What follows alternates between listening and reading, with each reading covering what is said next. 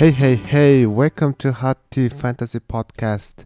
За юу байцгаана? За подкастын маань 2019 оны хамгийн сүүлчийн дугаар эхлэхэд бэлэн болоод байна. 2019 оныг дүгнэж харах юм бол фэнтези тоглож байгаа хүмүүс маш их хэмжээгээр өссөн ийм нэг сайхан жил болж өнгөрлөө.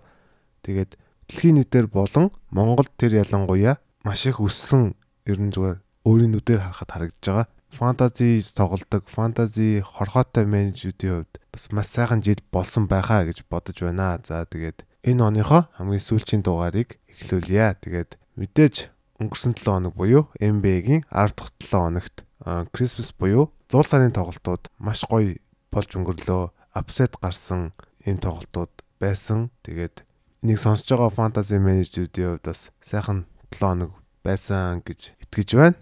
За тэгээд шууд подкаст руугаа орё.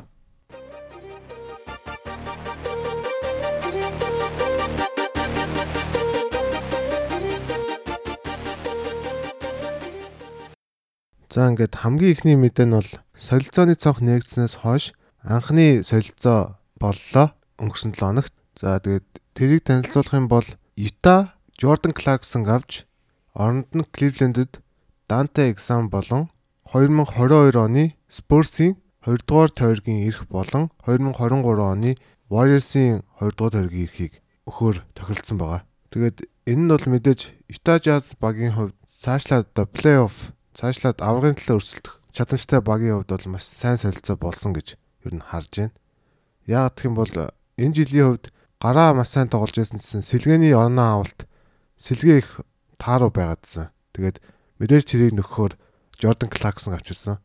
Тэгээ Jordan Clarkson бол мэдээж маш сайн оноо түүдэг тийм замбраагүй тоглолттой. Ер нь онооны хувьд багт бол маш сайн тос өргөхээр ийм тамирчин гэж харж байгаа болохоор Итагийн хувьд бол маш сайн сонголт болж чадсан.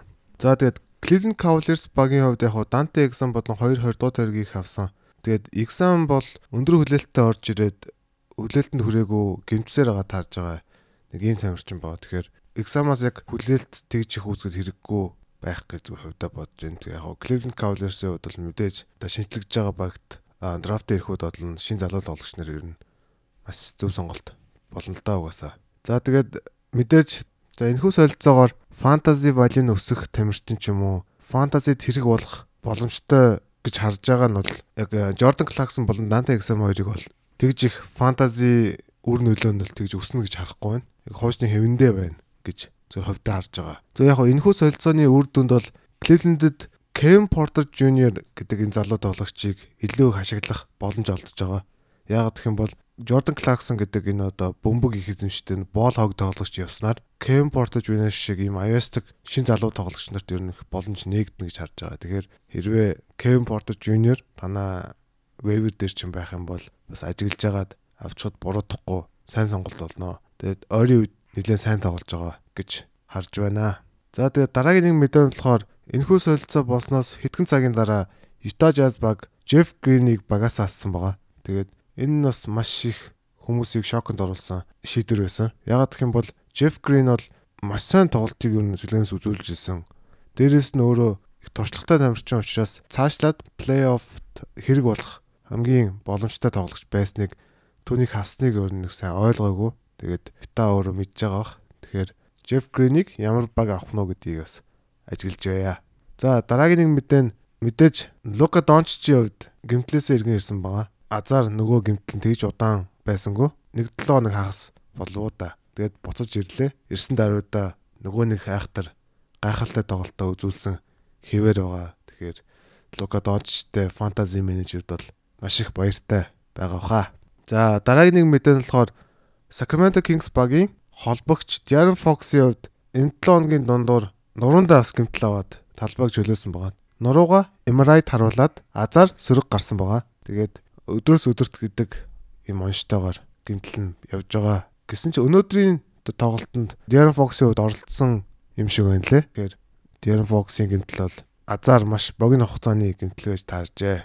За дараагийнх нь болохоор мөн Sacramento Kings багийн довтлогч Marvin Bagley-ийн хувьд зүүн хөлөндөө гимтэл авснаар хэд хэдэн тоглолт өнжинэ гэсэн ийм одоо мэдээ гарсан байна. Тэрхүү тоглолтын дараа хөлөндөө нэг юм аппарат хийсэн явж байгааг харсан. Тэгэхээр бас нэлээд тийм хөнгөн бэртэл биш юм шиг харагджилээ. Тэгэхээр Marvin Bagley гимтлээсээ иргэн ирээд тийм сайн тоглолтыг үзүүлж чадахгүй байсан.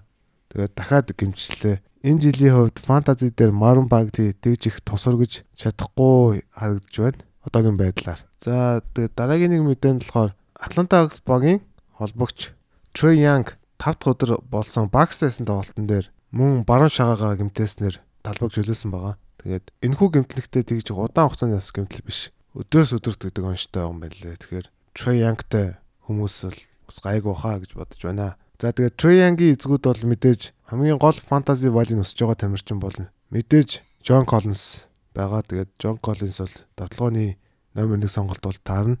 Тэгээ түүнээс гадна Kevin Huerter-ийн хувьд л тэгээ багийн плеймейкер тоглож маш их бөмбөгтэй эзэмших болохоор түүний статистик бас нэлээд өсөх хандлагатай байгаа. Тэгэхээр танаа waiver дээр чинь Kevin Huerter байх юм бол бас авахд буруудахгүй сайн сонголт болно гэж хэлмээр байна. За дараагийн нэг гэмтэл хүртлийн мэдээ байгаа нь Detroit Pistons багийн хамгаалагч Luke Kennard-ийн хувьд баруун өвдгөндөө гэмтэл авснаар 2-7 хоног талбайд гарахгүй гэсэн ийм мэдээ гарсан байгаа. Тэгээд 1 сарын 7-нд дахин одоо шинжилгээ өгнө гэсэн ийм одоо яг мэдээ гарсан байна. Тэгэхээр Лукинардын хувьд энэ жил бол маш сайн тоглолтыг үзүүлж исэн. Ер нь Детройтийн ганц гэлтайх зүйл нь байсан тамирчин. Тэгээд энэ жилийн тэр гурван шидэлтийн хувь оноо авалт зэрэг нь бол маш их өссөн. Маш сайн тоглолтыг үзүүлж исэн тамирчин. Тэгэхээр бас харамсалтай байна. Лукинардын хувьд. Тэгээ мэдээж Лукинардын эзгүүд бол хамгийн одоо фэнтези валын өсөх тамирчин бол Bruce Brown Jr гэж хараад байгаа. Тэгэхээр энэ хүү тамирчин бас ер нь нэг хэдэн 7 хоногийн өмнөөс эхлээд бас фэнтези хүмүүс аваад маш сайн сайн тоглолтуудыг үе үе үзүүлж исэн ийм тамирчин.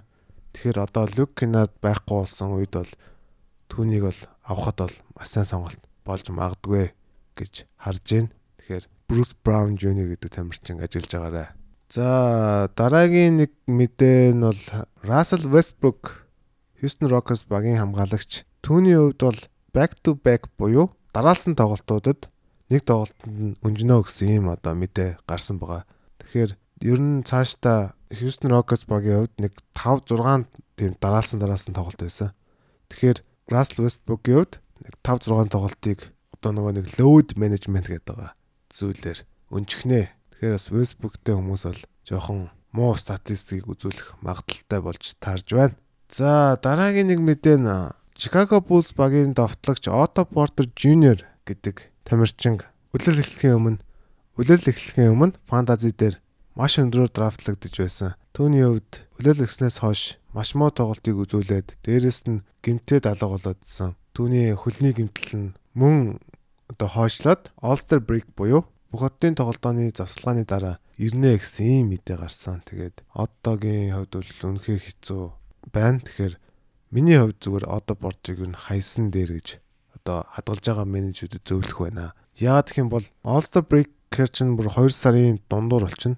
Тэгэхээр фэнтези нэг 4 сар дуусна. Тэгэхээр нэг сар хагасын юм уу те сарын л зайд үлдэж байгаа. Яг тухайн цагтаа бас ирнэ гэсэн баталгаа байхгүй. Тэгэд ирээд ч ер нь түүний хувьд нэг сайн тоглолтыг үзүүлж чадахгүй байхаа гэж энэ удирлын эхний тоглолтууд дээр харсныг ер нь баттгах байх гэж бодож байна. Тийм болохоор одоог хаяад өөр тоглож авсан дээрээ гэж зөвлөх байна. За дараад нь болохоор одоо гэмтэл бэртлээс ирсэн тамирчдыг харах юм бол Эрик Гордон Houston Rockets багийн хамгаалагч түүний хувьд удаан хугацааны гэмтлээс мөн иргэн ирээд өнөөдрийн тоглолтод иргэн ирж 20 оноо 4 3 шидэлтийг хийсэн байна лээ. Тэгэхээр түүнийг одоо фэнтези дээр чинь хэрвээ waiver дээр чинь байх юм бол оноо 3 шидэл хэрэгтэй менежүүд бол заавал авах тамирчин шүү гэж хэлэх байна. За тэгээд өнгөрсөн 7 хоногт лигийн иргэн тойронд гарсан гинтл бэртлийн мэдээ болон фантазид хэрэг болж магадгүй нэг имэрдүү мэдээ мэдээл байлаа. За тэгээд подкастынхаа 2 дугаар хэсэг буюу дараа 7 хоногийн фантази таамаглал руугаа орё гэж бодож байна.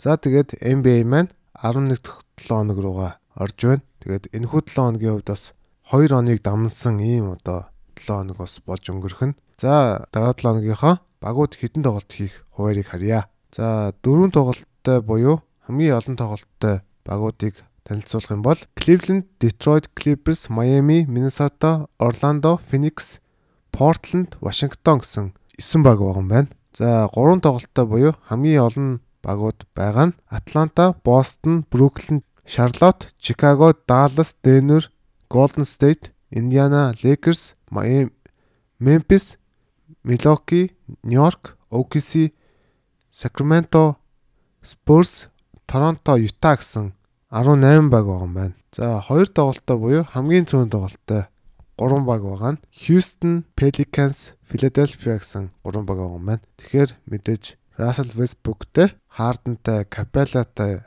Holiday-тэй, тэ Embiid-тэй, Ben Simmons-тэй эдгээр одоо багууд бол бас муу статистик үзүүлэх магадaltaй юм байна.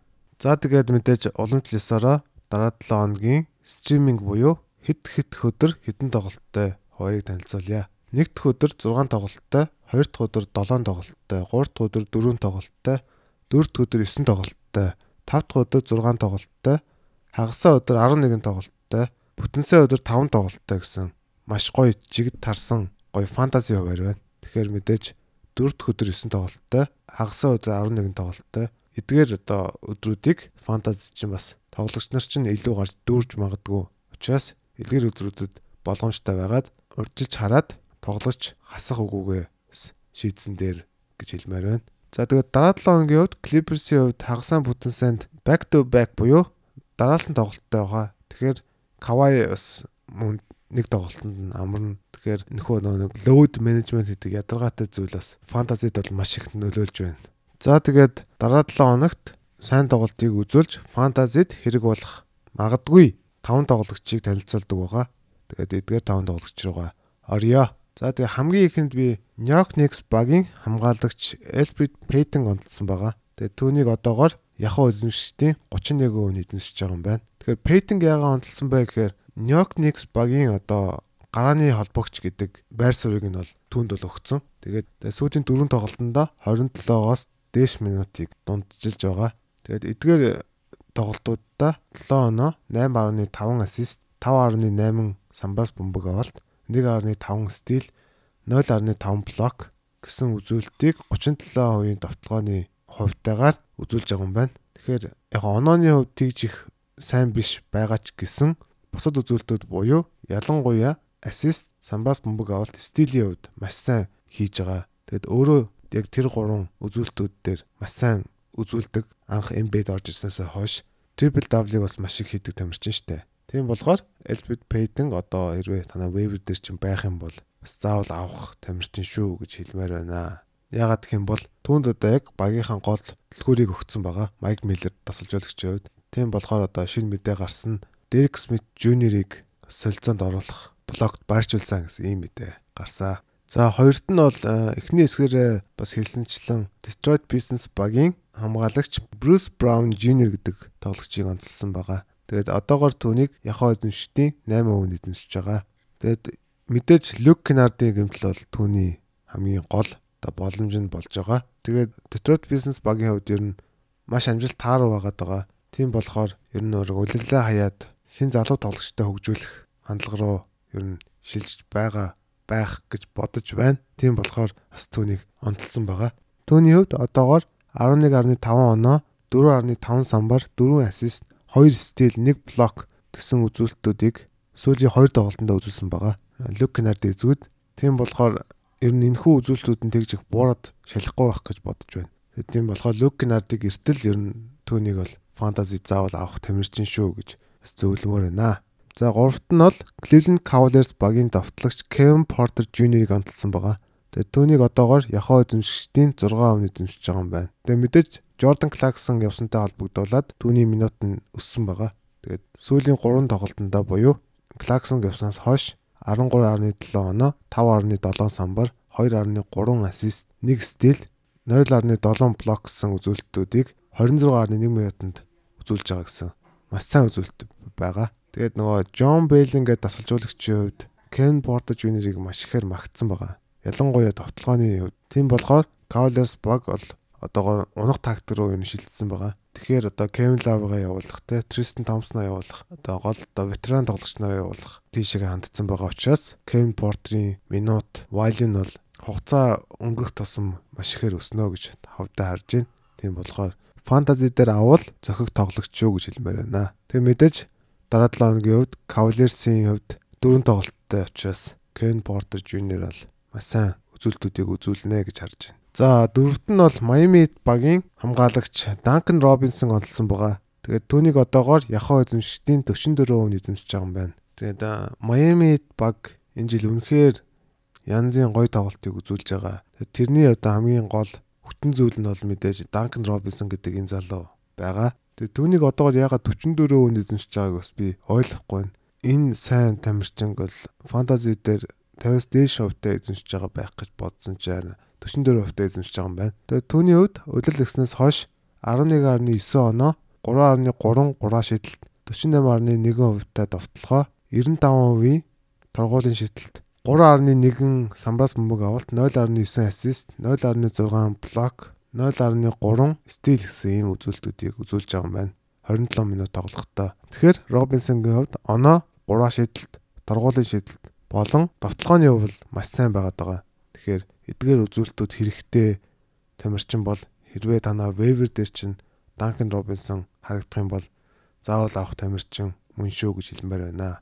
Тэгээд Miami багийн хувьд дараа 7 хоногт дөрөв тоглолттой учраас маш сайн үзүүлэлтүүдийг үзүүлэх байхаа гэж харж байна. За тэгээд хамгийн сүүлд буюу 5 дугаар байранд Golden State Warriors багийн хамгаалагч Damian Lee онцлсан байгаа. Тэгээд түүнийг одоогоор Яхаа эзэмшигчдийн 40% эзэмшиж байгаа юм байна. Тэгээд Damian Lee-гийн хувьд сүүлийн одоо 2-7 хоногийн хувьд хугацаанд маш сайн тоглолтуудыг үзүүлж Warriors-ийн хожлуудын гол бас шалтгаануудын нэг байсан.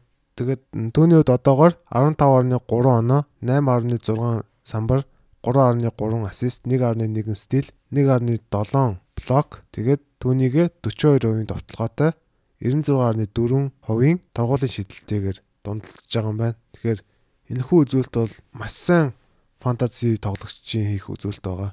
Тэгээд яг хоо түүний бас нэг дутагдaltaй тал нь бол зүгээр бөмбөг алдаж байгаа ихтэй юм шиг зүгээр санагдсан. Тэгээд түүнийг стооцох юм бол маш сайн тоглолтуудыг үзүүлж байгаа. Тэгээд Kai Bowman болон Demi-гийн хувьд одоогоор хоёр талд гэрээтэй тоглогч нар. Тэгээд сүүлийн Steve Kerr-ийн ярьцлагыг харах юм бол тэр хоёрыг одоо үндсэн багт нь шууд дуудаад тий үндсэн багтаа тоглуулахаар юм болж байгаа гэж байлээ. Тэгэхээр тэр хоёрыг тэгж оруулж ирж байгаа учраас нэг одоо ветеран тоглогчийг явуулах шаардлагатай болж байгаа. Тэр нь бол мэдээж Alec Burks гэж маш олон аналистууд харж байгаа юм байлээ. Тэгэхээр хэрвээ Alec Burks явсан тохиолдолд энэ хоёрын минут ялангуяа Дамилигийн минут үр нөлөө нь бол хамаагүй өснө гэж харж байна. Тэгэхээр Дамилигийн хувьд хэрвээ танаа вейвер дээр чинь байх юм бол заавал авах тамирчин шүү гэж хэлмээр байна. За тэгээд дараа 7 хоногийн фэнтези таамаглал нэг юм ирдэг байлаа. Тэгээд өнөөдөр бол мэдээж 2019 оны хамгийн сүүлчийн дугаар болж байна. Тэгээд ер нь энэхүү одоо фэнтези подкастыг яагаад хийж эхэлсэн бэ те?